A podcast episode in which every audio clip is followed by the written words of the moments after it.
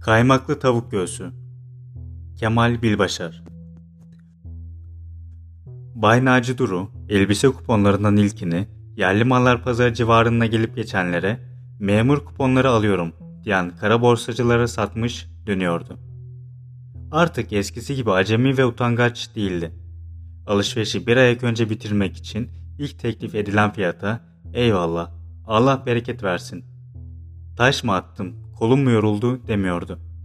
Şimdi bu işi bir suç, bir çeşit dilencilik telakki etmiyor, bu alışverişe harbin son yılında iyiden iyi alışmış bulunuyordu. Hükümetin 15 lira karşılığında verdiği A kuponu kendine havadan 10 lira kazandırmıştı işte ama bu parayı nereye peşin sarf edeceğine henüz karar vermemişti. Delik o kadar büyük, yama o kadar küçüktü ki. Karısı ne derse desin oğlanı bir kere doktora göstermeliydi. Solucan var da ondan sonra bu çocuk bu kadar diyorlardı komşular. Ama solucan peynirden, şekerden oluyordu. Oysa ki oğlanın peynir yüzü gördüğü yoktu. Şeker de karısının dayısına gittikleri zaman yiyordu. Çocukta solucan olmadığı muhakkaktı. Ne salyası akıyor ne de burnu kaşınıyordu. Peki ama karnı da boşuna şişmezdi ya oğlanın. Elbet bir derdi vardı. Dispansere götürmeliydi muhakkak bir kere. Gözlüklü doktorun ilaçları iyi geliyor herkese, diyordu mahalleliler. Bay Naci Dur'un karısı çocukta doktorluk bir maraz görmüyordu. O, bütün fakir semt halkı gibi doktordan çok komşu teyzelerine inanıyordu. Ondan ilaçlarını daha hasiyetli buluyordu. Sarımsakla kabak çekirdeğini dövüp sabahları yuttular mı yüzünün sarılığı da giderdi, karnının şişliği de inerdi. Hadi bilemedin solucan şekeri yedirdin. Bak o zaman bir şey kalır mıydı oğlanın? Lakin Bay Naci Duru için 45'inden sonra kavuşulan bu oğlancının kıymeti büyüktü. O, kuru dalın meyvesiydi. Ve onu kabristan avlusunda çocukların taşladığı sarı erikler gibi renksiz görmeye yüreği katlanmıyordu. Yanaklarının Amasya elması gibi kırmızı kırmızı ışıllamasını istiyordu. Kör olası dünya savaşının sırası mıydı? Harp çıkmasaydı bu çocuk şimdi böyle mi olurdu? Ona yatarken 250 gram süt içirse, sabahları tereyağcığını, yumurtasını, reçelini yedirse yanakları böyle solar mıydı? Harp çıkarının gözü kör olsundu. Hayır, Bay Naci Dur'un karısının bütün iyimserliğine rağmen bu 10 lirayı oğlanın sağlığına harcayacaktı. Varsın bu para eczacılara kısmet olsundu. Zaten laneti nasıl kazanmışlardı? Alın teriyle kazanılmayan paranın gideceği yer belliydi. Ya ilaca ya doktoraydı. Sara Hanım nihayet boyun eğdi ama yazık 4 kilo et parasına demekten kendini alamadı. Küçük Engin adamlıkları giydirildi. Saçları tarandı. Engin küçülmüş lacivert elbiseleri içinde büsbütün çelimsiz ve sarı görünüyordu. Dispanserin gözlüklü doktoru korkudan gözlerinin halkaları büyümüş, babasının ellerine sımsıkı yapışmış olan Engin'i okşadı. Ona bir şeker verdi. Sonra bir tane daha vereceğini vaat ederek boğazını, ciğerlerini ve karnını muayene etti. Göz kapaklarına bakarak ansızlığının derecesini ölçtü. Çocuk biraz zayıf düşmüştü. Karnının şişliği bundandı. Bir tüberküloz başlangıcı diyemedi. Bu melun kelime boğazında düğümlendi. İştahsızlığı için bir şurup, kanlanması için iğneler veriyordu.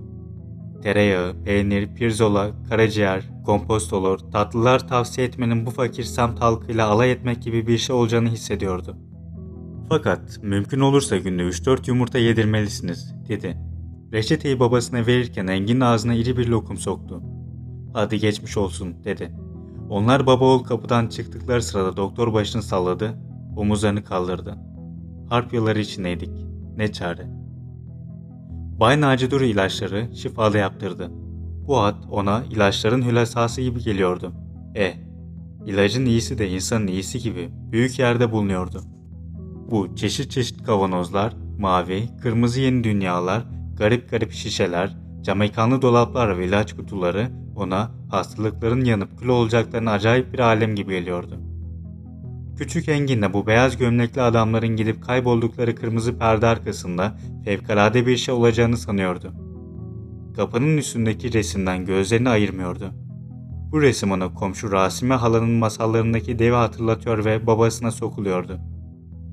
Eczaneden iğneleri ve şurupları aldıkları zaman ellerinde 120 kuruşları kalmıştı. Bu pahalılık zamanında 3-4 ilaç almışlardı. Buna da şükür.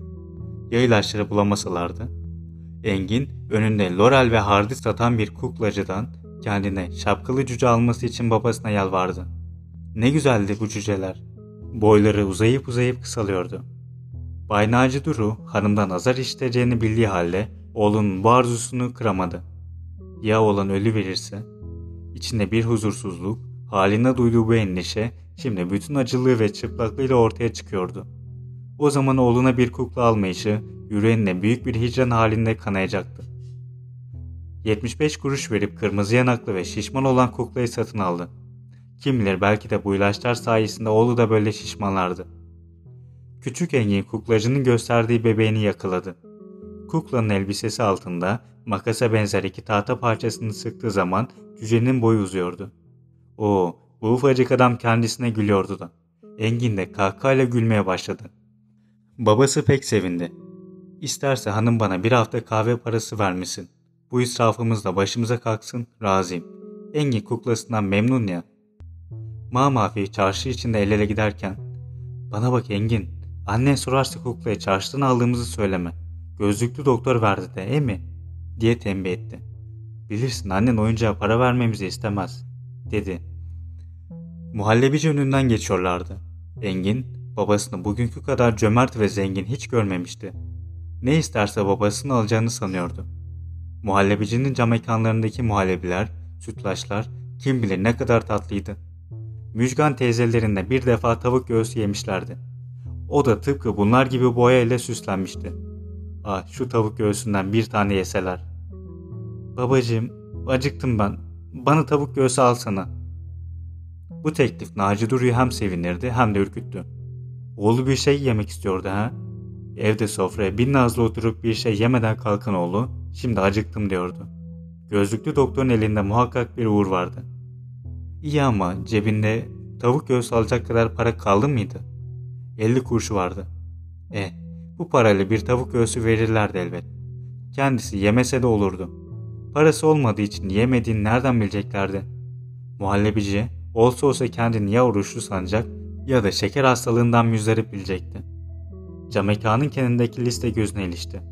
Tavuk göğsünün karşısında 17,5 kuruş yazılıydı. Demek kendisi de bir tabak yese gene 15 kuruşu kalacaktı. Muhallebiciye göğsünü gere gere girdi. İçeride köşeye çekilmiş burun buruna bir delikanlı ile boyalı kızdan başka kimse yoktu.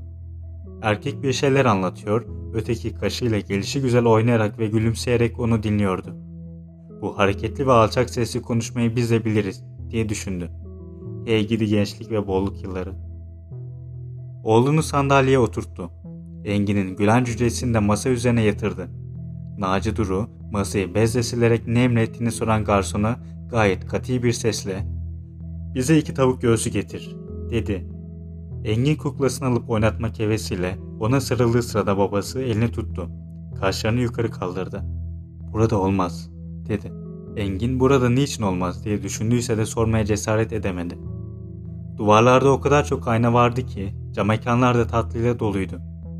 Şu beyaz elbiseli adam niçin bu kadar çok tatlısı olduğu halde yemiyordu? Yoksa o da gözlüklü doktor gibi hastalara mı bakıyordu? Garson iki tavuk göğsü getirdiği sırada Bay Naci Duru başından şapkasını çıkarmadığını hatırladı. Şapkayla böyle yerlerde oturmak ayıptı. Şu gençler ihtimal kendisini ayıplamışlardı. Hadi onlar görmedi diyelim. Etraflarına bakacak halleri yok. Ama şu garsonla masadaki kız boşuna gülümsemiyorlardı birbirlerine. Şapkasını ısıp tekrar yerine oturduğu zaman oğlunun büyük bir iştahla tavuk göğsünü yediğini gördü.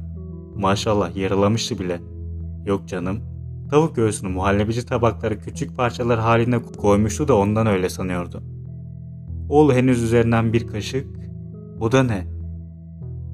Tavuk göğsünün üzerine bir parça kaymak vardı. Oğlu onun yarısını yemişti. Acaba? Evet, kendi tabağında da tavuk göğsünün üzerine bir parça kaymak vardı. Sırtından soğuk bir ter boşandı. Eyvah, kaymak parasını nereden verecekti? Ama levhada kaymaklı tavuk göğsü diye bir tatlı fiyatı yazılmamıştı.